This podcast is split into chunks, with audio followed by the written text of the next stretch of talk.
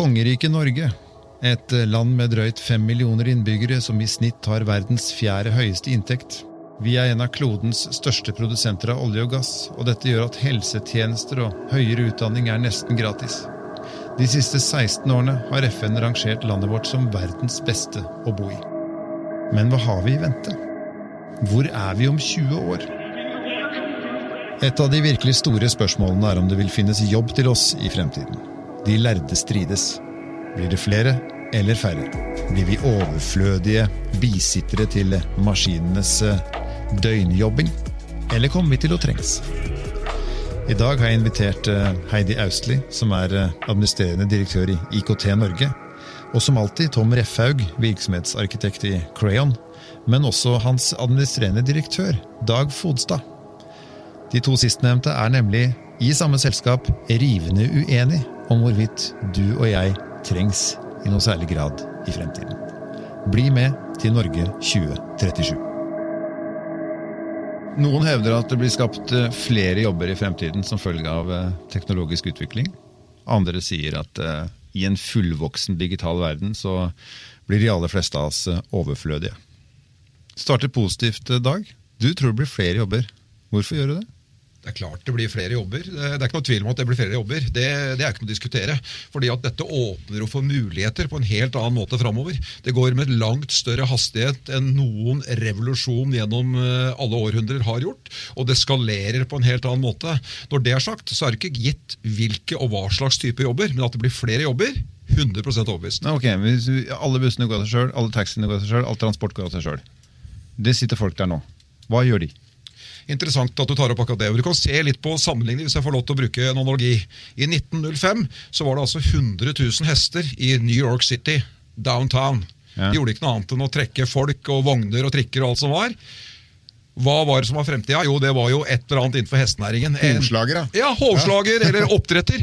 30% av disse hestene ble bytta ut hvert år. Og hadde 30 mm. 000 hester inn og ut av byen, mm. ja, da kunne du transportere daue hester eller bringe nye inn. Eller vognmaker, salmaker, hva enn det måtte være. Og Brigitte Møkka var det største problemet i New York akkurat da. 20 år seinere, i 1925, mm. så var det ikke en hest igjen. Hva hadde skjedd i mellomtida? Jo, det starta med T-Forden og telefon osv. Hastighet allerede da, men ble det skapt flere jobber. Fra hestenæringa sto på topp i 1905 i New York City med 10 000 arbeidsplasser, som var borte på 20 år. Så ble det skapt altså så mange flere. Eh, 20-30% flere nye arbeidsplasser bare gjennom bil, telegrafen og alt det mm. som kom på de 20 åra. Så don't worry, nå går det fortere enn noen gang. Tom, du har en helt annen oppfatning. Ja, jeg har egentlig det. Um, det vil si, jeg er med på at det kommer nye jobber. Det gjør det. Nye typer jobber som vi kanskje ikke helt ser helt tydelig for oss i dag. Uh, men jeg tror at um, det ikke vil veie opp for de som blir borte som en konsekvens av automatisering, digitalisering. Så jeg har fra et makroperspektiv så, så er jeg mer bekymra, da. Okay. Mm. Du, men er det på kort eller lang sikt? For det er, altså, nå sier Dag her at fra 1905 til 1925 så, så, så er, det jo, er det 20 år. Og det er jo relativt lang tid. Mm. Så, så, spørsmålet er hvor fort går hva? Og Rekker vi å henge med, og gjør vi det, så har han kanskje rett og du feil?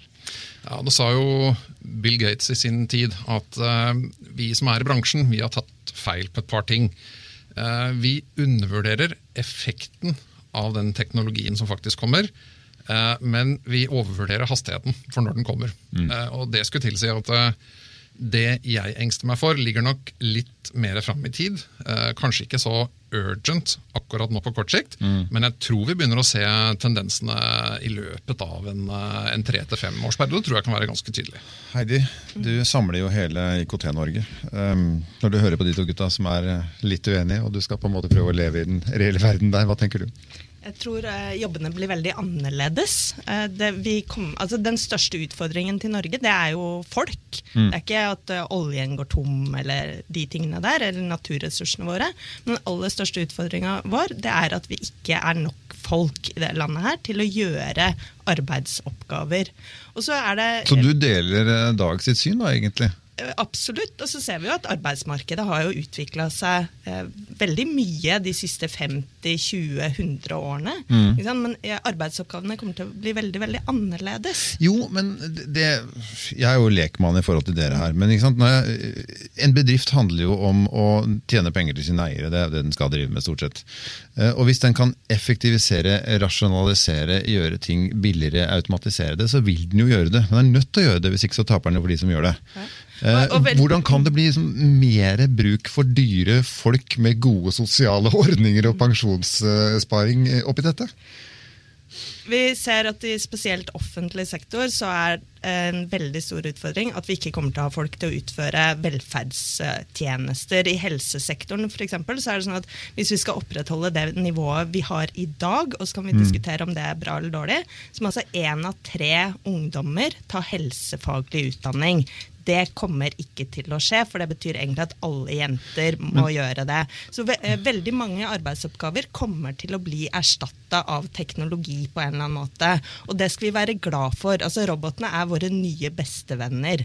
De vil eh, foreta tunge løft, stille diagnoser og utføre arbeidsoppgaver som vi ikke trenger mennesker til. Men, men hør nå her, Tom har en gang sagt at han tror at når du og jeg blir gamle, så kommer vi til å ha en bedre venn, en bedre samtalepartner og en foretrukken samtalepartner i en intelligent datamaskin framfor et menneske. Og det er helt enig med han. Ja, Men da trenger vi ikke å utdanne så mange av disse helsefolka. Nei men, nei, men det er det vi ikke har kapasitet til i det landet her. ikke sant? Så veldig mange av arbeidsoppgavene må erstattes av teknologi hvis vi skal klare å fremdeles være et velferds-Norge, eller et velfungerende Norge. Så derfor skal vi ønske teknologien eh, velkommen. Men eh, arbeidsoppgaver vil også endres. Noen arbeidsoppgaver forsvinner helt. Veldig mange kommer til eh, å endres eh, på helt sånne radikale måter som vi antageligvis ikke skjønner det, Det som kalles for transformasjon, når det blir Ja, noe annet, liksom. Og det betyr jo også at det stiller noen helt andre krav til utdanningssystemet vårt. Ja. Som jeg gjerne har lyst til at vi skal snakke litt Vi skal, mer om. vi, vi skal snakke mye om det en annen gang. Det er et eget, Ja, men- det er et eget program, faktisk. ja, Dag. Ja, jeg vil gjerne kommentere litt på det Heidi tar opp her. For jeg, jeg er ganske trygg på, selv om ingen vet og understreker det, så jeg er likevel trygg på dette kommer til å skje så fort, selv om vi ikke vet hva som er trøkket i utdanning og nye kall det, roller i yrkeslivet 5-10-15 år i tid, så kommer hastigheten til å gå så fort. så Der ligger også noe av problemet. Men bare et, et nytt eksempel i forhold til politikerne. Nå sitter vi akkurat nå i et studio i Oslo, hvor eh, det faktisk eh, er eh, De Grønne eller Miljøpartiet sitter og, og, og regjerer i byen sammen med Arbeiderpartiet. Og man ønsker å få ytterligere fart og trykk på det som har vært jobbet med i mange år, nemlig bruk av kollektivtrafikk. Eh, og sånn sett så lite CO2-utslipp fra biler, i hvert fall av biltrafikk, som overhodet mulig. Og da er det sånn at du skal oppnå det som politikere nå ønsker i det miljøperspektivet, så kreves det altså ikke mindre enn 1000 nye bussjåfører i året. Og så tilbake til utdanning. Hvis du nå tar en liten Men skal ikke de bussene gå av seg sjøl, da? ja, ja, men hør da, han gjør ikke det. Nei, han gjør ikke det enda. Så gjør det ikke det. Det tar litt tid, det, for Ja. infrastruktur skal på plass. Ja. Og da er vi inne på teknologien og nye arbeidsplasser. Kommer tilbake til det. Men disse 1000 bussjåførene, for å få til det du skal eh, oppnå på miljø og mindre utslipp, det kommer du ikke til å få til. For hvis du spør dagens ungdomsskoleelever og videregående, eh, det trenger vi 1000 RBM kunne tenke seg å bli bussjåfør. Null. Ja, men Er det et problem Heidi? at liksom nå skal alle bli direktører og ha kjempehøy utdannelse? For jeg kjenner som forelder ikke sant, at du jager Du jager på det. Mens når jeg ser meg i speilet og tenker Anders, hvor dum er du? Skal alle stå på toppen? Skal alle trone? Skal alle være sjefen? Det går jo heller ikke. Jeg tror Så- Det viktigste vi sier til ungene våre, da, det er jo bli noe du har lyst til å gjøre, og kombinere det gjerne med teknologi. Mm. Fordi at Uansett hva du skal jobbe med framover, om du skal være helsesøster, sykepleier, lege, jurist, whatever, så er du nødt til å ha en eller annen form for digital kompetanse. Men eh, tilbake Du må skjønne hva som er jobben din ved siden av det maskinene gjør. Ja, og dessuten så er vi jo mange som må lære opp disse maskinene til å gjøre, altså utføre handlingene sånn som vi ønsker at de skal gjøre det. Også de førerløse bussene. De er jo lært opp på Ja. en eller annen måte. Men, men eh, tilbake da til utdanningssektoren, så utdanner vi altså ungdom og unger i dag til et arbeidsmarked som ikke kommer til å eksistere når de kommer ut i det. Og hva er det vi skal lære ungene våre? Hvordan type kompetanser skal de ha med seg ut i et arbeidsliv som vi ikke engang kjenner konturene av i dag? Det kommer til å snus opp ned. Men er det noen som kjenner de konturene? Nei, det er jo ikke det. Ikke sant? Ikke sant? Her det sitter dere som er ganske er at- skarpskodde på området. Og så sitter helt vanlige vet- foreldre og lurer på hva de skal stimulere til hjemme. Og lærere som sitter fortsatt med bøker Mm. i papir, som er trykket for kanskje seks år siden, hvis de er ganske nye. Så du har helt sikkert rett til det du sier, men, jeg sier, men hvor skal vi gå og finne ut hva som er riktig? Eh, Det vi vet, er at man uansett i alle yrker må ha en eller annen form for digital kompetanse, digital forståelse. Det må vi også lære ungene våre i skolen. Og så vet vi eh, at det er et veldig sånn eh, Altså utdanningssektoren henger veldig etter. Jeg var i fjor og besøkte en videregående skole i Hordaland eh, på bilmekanikerlinja. De ungdommene som gikk der, var skikkelig møkte på henda. Det er for så vidt bra at de var, altså fordi de var ute og skrudde på biler. Men de fikk ikke lov til å mekke på elbiler. Fordi at det sto ikke i læreplanen. Ikke sant? Og så vet vi at elbilsalget øker i Norge og har aldri vært høyere. Det du høyere. sier er at det blir ikke utdannet mekanikere til elbil? Nei. Nei. Og det ser vi innenfor andre eh, yrkesgrupper også. Vi utdanner en hel haug av lærere Mm. som ikke skjønner hvordan de skal bruke teknologi for å tilpasse læringa til hver enkelt unge. Jeg tror i alle disse programmene her så kommer det med utdanning til å dukke opp, eh, Tom. Altså Man har hele tiden et, et, et slep. Men gjelder det de fleste offentlige instanser, tror du? Altså som, som jo lærerstanden er en representant for, i hvert fall i Norge. da. Eh, At, at den må på en måte henge etter. Og så kan den ikke det. Altså, jeg mener jo at Norge er i en litt sånn særstilling. da, fordi at eh, Hvis man hever dette her makro nok, eh, og snakker f.eks. Europa da, som marked, Makro snakker om at du gjør det større. ikke sant? Ja. så vil du få, tror jeg, ganske store utfordringer. Men i Norge har vi da eh, oljefondet. Vi har, uh, kall det, råd til eh, å bruke mer tid på omstillingen enn det man har råd til i, i andre land.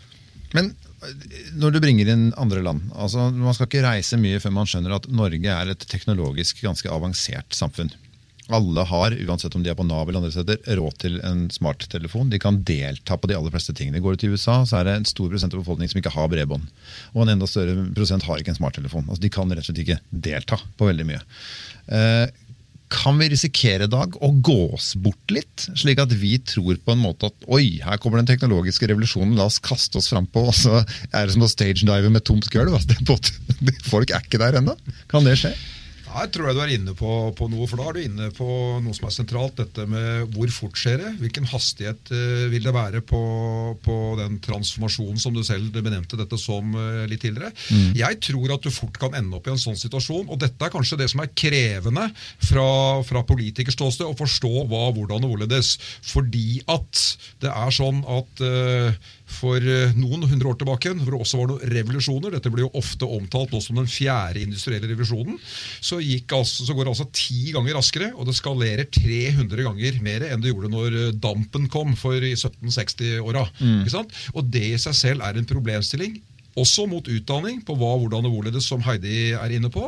Hvordan skal du kunne utdanne ungene til noe du ikke vet hva er i yrkessammenheng. Så hvordan skal egentlig en grunnplattform se ut, bortsett fra at å håndtere det digitale, det må alle kunne. Men er vi alle litt sånn Christoffer Columbus, da, som bare seiler mot vest, mot horisonten, og tenker at eh, ok, ingen har vært her før, så noen må ta sjansen? Jeg skal ikke se bort ifra. for det er sånn at Jeg tror ikke du har de samme faste arbeidsstedene på samme måten enten du skal være direktør eller hva enn det er. Det er arbeidsclustere, det er networking på en helt annen måte, til og fra. Så du er din egen herre fra start eller vugge til grav. Høres jo så deilig ut, Heidi. Men, men det vi vet da i Norge det er jo, Kan ikke bli så deilig. kan ikke det.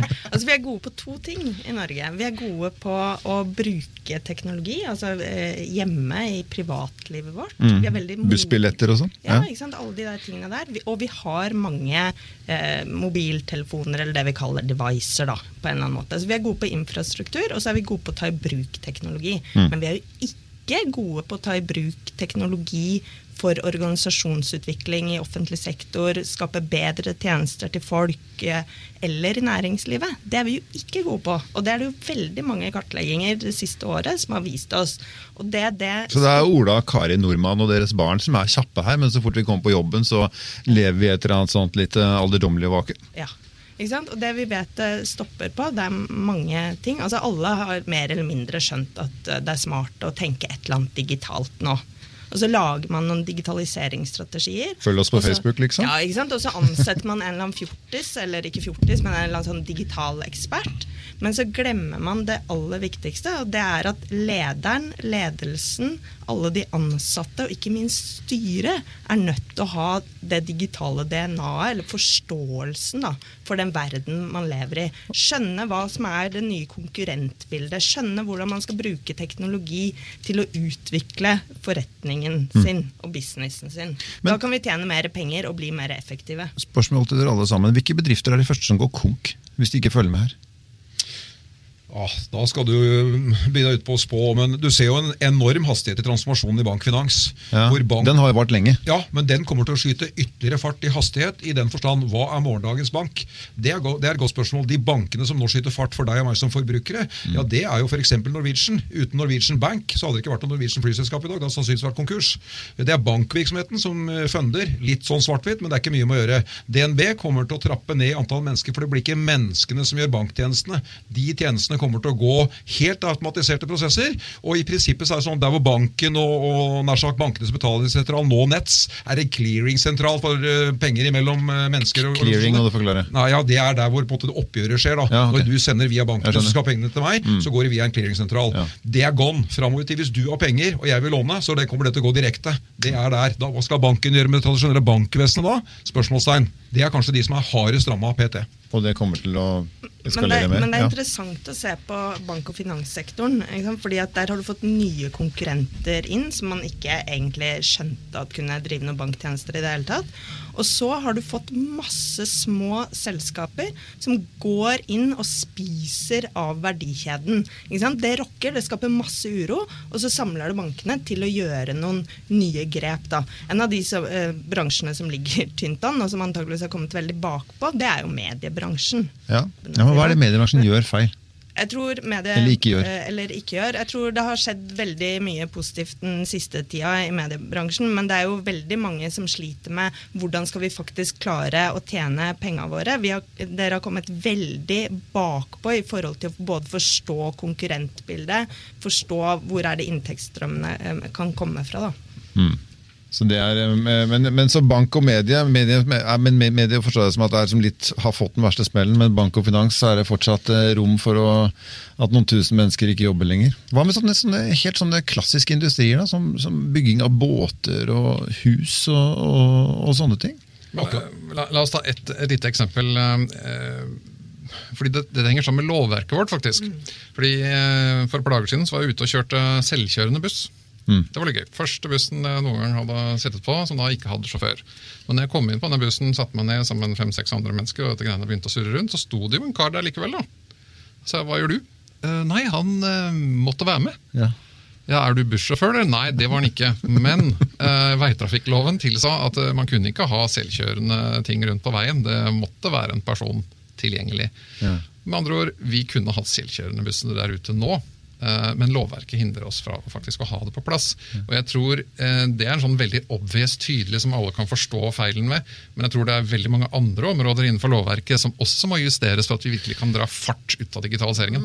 Men kanskje det er bra da, at politikerne som lager lover, at de faktisk eh, lager noen sånne rammer da, som gjør at mennesker får være med på noe av dette, sånn rent i fysisk forstand? Eller er det Jo, jo, men klamp om foten for teknologi? Vi er jo her, vi. Ja. Sånn. Enn så lenge. Men, men eh, det som, eh, du er inne på noe helt vesentlig. Ikke sant? Teknologien er her.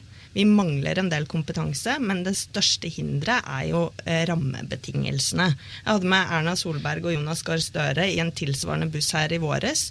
Den skulle kjøre 500 meter i Oslos gater.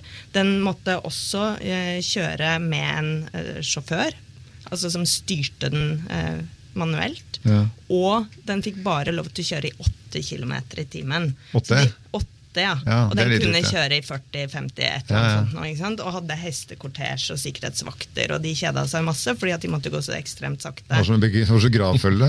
Men, men det som et eksempel Det er et veldig godt eksempel da, på at teknologien er her. Det er mulig. Det skaper vanvittig store muligheter for Norge. Men vi må gjøre noe med hele lovverket. Men er det uvilje, slik som du ser det, Heidi? Er det uvilje, politisk uvilje, eller er det politisk eh, håper å si, ikke politisk, fokus? ja, politisk manglende forståelse. Tenk på alle de dataene det offentlige besitter om om meg. Hvor jeg er i livet mitt, hva jeg driver med, hvilke tjenester jeg trenger. Men de klarer ikke å bruke de dataene til å gi meg god service. Sett at jeg var gravid. Nå er jeg ikke det, men sett at jeg var det. Så går det en eller annen melding inn til det offentlige systemet om at jeg er det. Mm. Og da har jeg også krav på masse ulike typer tjenester, som foreldrepermisjon, jeg skal ha et sted å føde og alle de greiene der. Og når denne ungen nærmer seg ett år, så er jeg høyst sannsynlig veldig opptatt av å få meg en barnehageplass. Da burde jeg fått en såkalt push-tjeneste altså oppsøkende tjeneste. Men Kunne dette gått helt automatisk? Det er ja, klart det, det kunne. Altså, altså, bare spør om det. Ja. Norge 2037. Ja. Altså, det, det, det, jeg forstår nå at det trengs ikke en kjeft til å følge opp en kvinne som har en normalt svangerskapsforløp. Det er antageligvis lurt at det står noen der og tar imot den ungen. Det jo, jo, det skjønner jeg. Det skjønner jeg. Selve jordmora skal vi ikke kaste ja, ut. Men, nei, men, men, jeg tenker på det å legge til rette for dette tjenestetilbudet som faktisk er lovbestemt. Ja fordi at de besitter så mye data om meg. Mm. Og når den ungen da nærmer seg ett år, så er sannsynligheten stor for at jeg vil ha barnehageplass. Mm. Da burde det kommet en push-tjeneste fra det offentlige som sa sånn Hei, Heidi, mellom der du bor og der du jobber, så ser vi for oss at disse fire barnehagene er mest attraktive for deg og ditt barn. Er du interessert i det? Yes! Men nå må jeg oppsøke det offentlige, jeg må forstå hvordan byråkratiet fungerer, og selv være aktiv pådriver for å Bruke få de tjenestene. Bruke tida til fire saksbehandlere, det må du. Og mm. det koster jo meg masse tid. Det er masse hassle med det. Og det gjør det jo ikke noe bedre å drive offentlig sektor heller, for de bruker også mye ressurser på det. Så alt som kan automatiseres, bør automatiseres. De må bruke dataene om meg på en fornuftig måte til å serve meg i mitt liv. Altså det snakkes veldig mye om alt som kan fikses og som blir så greit med maskiner, og sånn, men jeg har fremdeles problemer og blir litt enig med Tom. og lurer på hvor det blir av menneskene i et Norge 20 år fram i tid. Fordi eh, er det det du også ser, Tom? At det liksom er ikke altså- nødvendigvis uh... Nei, Jeg ser det, og så ser jeg også det at eh, det som uh, vil kreve mennesker fortsatt, da, altså noe manuelt arbeid, det vil ikke være type stillinger hvor du er ansatt fra ni til fem hele året. Det vil være oppdrag hvor du sannsynligvis blir leid inn for en kort periode og så er du ute igjen. For da har du utført det du skulle, og så tar uh, automatiseringen og maskinen over igjen. Så, så den derre, uh, kall det forutsigbare ni til fem-hverdagen, hvor du sannsynligvis hadde samme jobben også, i hvert fall 10-15 år før du eventuelt bytta, den tror, jeg, den tror jeg snart er forbi. Men det er en viktig samfunnspolitisk diskusjon. Hvordan skal vi klare å ivareta altså arbeidsrettigheter i et arbeidsmarked som eh, er i så enorm endring, og der vi vil ha en mye løsere eh, tilknytning til hver enkelt arbeidsgiver. Mm. Men så tror jeg også at de generasjonene som kommer eh, etter oss, altså vi begynner å bli relativt eh, gamle, meg selv inkludert, selv om jeg kanskje er den yngste her. Men, men uh, vi kommer til, uh, altså de kommer til å kreve en helt annen form for frihet også ja. framover, tror jeg. Ok, Så du tenker at her er det noen som henter noen oppsider som uh, når, så når de tenker på gamle dager, så tenker de 'å, stakkar, de satt der fra åtte til fire', liksom. Uh, hadde vi aldri orka nå. Ja. Jeg, altså, okay. jeg, så de vil føle at det er bedre nå altså, enn før? Gamle dager er jo 80-tallet for de unge som vokser ja, opp nå. Ja, for ikke å si 90-tallet. men, men, men, det som eh, jo er viktig også, det er jo at Vi trenger folk framover. Mm. Vi trenger masse folk til å gi klemmer og utføre oppgaver som maskiner aldri vil kunne klare å ta seg av. Så vi skal ikke ha en sånn eh, enten-eller-tilnærming til dette. Altså, folk har vi mangel på i Norge det vil være behov for oppgaver som krever menneskelig kontakt framover òg. Kan uh, vi se for oss at uh, utviklingen trekker i retning av at vi kopierer oss sjøl?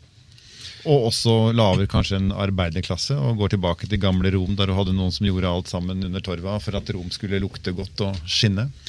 Enten du kaller det eventyr eller science fiction, så går det i hvert fall an å tenke i den retningen. og jeg tror eh, det å på en måte ha de frie tankene da, eh, som kan trekke i en sånn retning, uten å si at 'jeg tror ikke på det', men det er fordi at jeg sikkert eh, er for gammel og hengt med for lenge og kommer ikke til å leve når det eventuelt kommer til å skje. Men, men jeg tror det frie tanken som trekker i en sånn retning, er det som kommer til å være med å stimulere til morgendagens samfunn, som baserer seg på den digitaliseringen og transformasjonen vi er midt oppi. For det er neste spørsmål, i og med at vi snakker om jobber nå. det er kan vi komme i en situasjon der vi bare kan ha fri? Sitte og drikke tørr sherry og gi blaffen fordi at alt annet blir fiksa? Nei. Til og med inntektene. Nei. Det bare, jula bare ruller, alt fosser inn. Men det vil vi jo ikke. Altså, vi vil var jo det jeg spurte om. Kan- vi, kan Svar, vi komme svar på det er nei. Hvorfor ikke? Fordi, Hvorfor skal jeg gjøre ting maskiner kan gjøre hvis jeg ikke har lyst? Nei, er skal, ja, og det kommer du ikke til å gjøre heller. Men vi Og da må- kommer jeg til å drikke sherry. Ja, du om det. Men du vet at eh, jeg, har lyst til å fortelle eh, Torshov-teatret satte opp en nydelig forestilling her for et eh, halvt års tid siden. Mm. Den handlet om, om Robotfabrikken. Og det er et stykke som altså var skrevet for 100 eller 150 år siden. eller et eller annet sånt nå. Robot betyr jo tvangsarbeider. Mm. De eh, lærte opp disse robotene til å ta over verden. Men da er det jo mennesker som har lært teknologien, og det vil alltid mennesker gjøre. Lære teknologien og utføre de oppgavene vi ønsker at de skal gjøre. Disse robotene tok over verden og gjorde ting som de var lært opp til, som jeg er ganske sikker på at menneskeheten ikke ønsker. Så jeg tror ikke vi vil komme dit at vi eh, bare kan drikke sherry. Jeg tror det vil være masse oppgaver som krever folk, spesielt innenfor eh, velferdsoppgaver. Men også så er det behov for menneskelig intelligens her. Ok, Da har vi et ønske om å gjøre bare ting vi syns er ålreit. Så har vi et aktivt ønske om å ikke gjøre en masse ting. Hva skal forhindre at teknologien gir oss det? Jeg tror jo at vi kommer i en posisjon ja, faktisk, um, hvor vi, det ikke nødvendigvis er nok jobber til alle. Eh, og jeg tror vi faktisk må tenke, eh, kanskje ikke nødvendigvis i Norge på kort sikt, men i verden på et makroperspektiv, så må vi faktisk begynne å kanskje vurdere type borgerlønn, hvor du faktisk får nok penger til å holde deg hjemme. Dealen er oppfør deg ordentlig, ikke gjør noe kriminelt, så skal du få disse pengene, så skal det gå fint. Men um, jeg tror ikke på, en, på et makronivå at vi klarer å absorbere, skape nye plasser til de som da ikke, hva skal vi si, ikke finner nye, det nye sporet i digitaliseringen. Men disse pengene, vet du, det er ikke penger. Da er du helt, da er du nå i noen nåtid. Om noen år så er det ikke penger, enten det heter bitcoin eller hva det heter. Vi driver med 3D-printing, og 4D-printingen er jo kommet eh, for lengst allerede. og Det betyr at du printer jo maten din. ikke sant? Det er en printer som spyr ut en hamburger. Han smaker ikke like godt per i dag, men han gir deg akkurat det han skal ta. Ikke det optimale næringsinntaket som du må ha i form av riktig vitaminer og sammensetning. Bare koble til en annen datamaskin som er koblet til legesenteret mitt, så får jeg vel de Jo, men ikke sant? Noen skal da bygge disse, noen skal drive det, så det vil være behov for. og Det er ikke roboter som igjen kan drive. altså du, Mennesker vil være i lead på det som vil være utvikling going forward. Roboter eller ikke. Så don't worry. Arbeidsplasser, det blir nok av. Det er vi som har behovet, så det er vi som må sitte og Ja, og det, og det er jo igjen ikke sant? De som vinner i framtida, det er de som klarer å eh, please meg da, på best mulig måte. Takk til Heidi Austli, administrerende direktør i IKT Norge, og Tom Refhaug og Dag Fodstad, virksomhetsarkitekt og administrerende direktør i Crayon. Du har hørt eh, Norge 2037. Jeg heter Anders Høglund. Vi høres i nær framtid.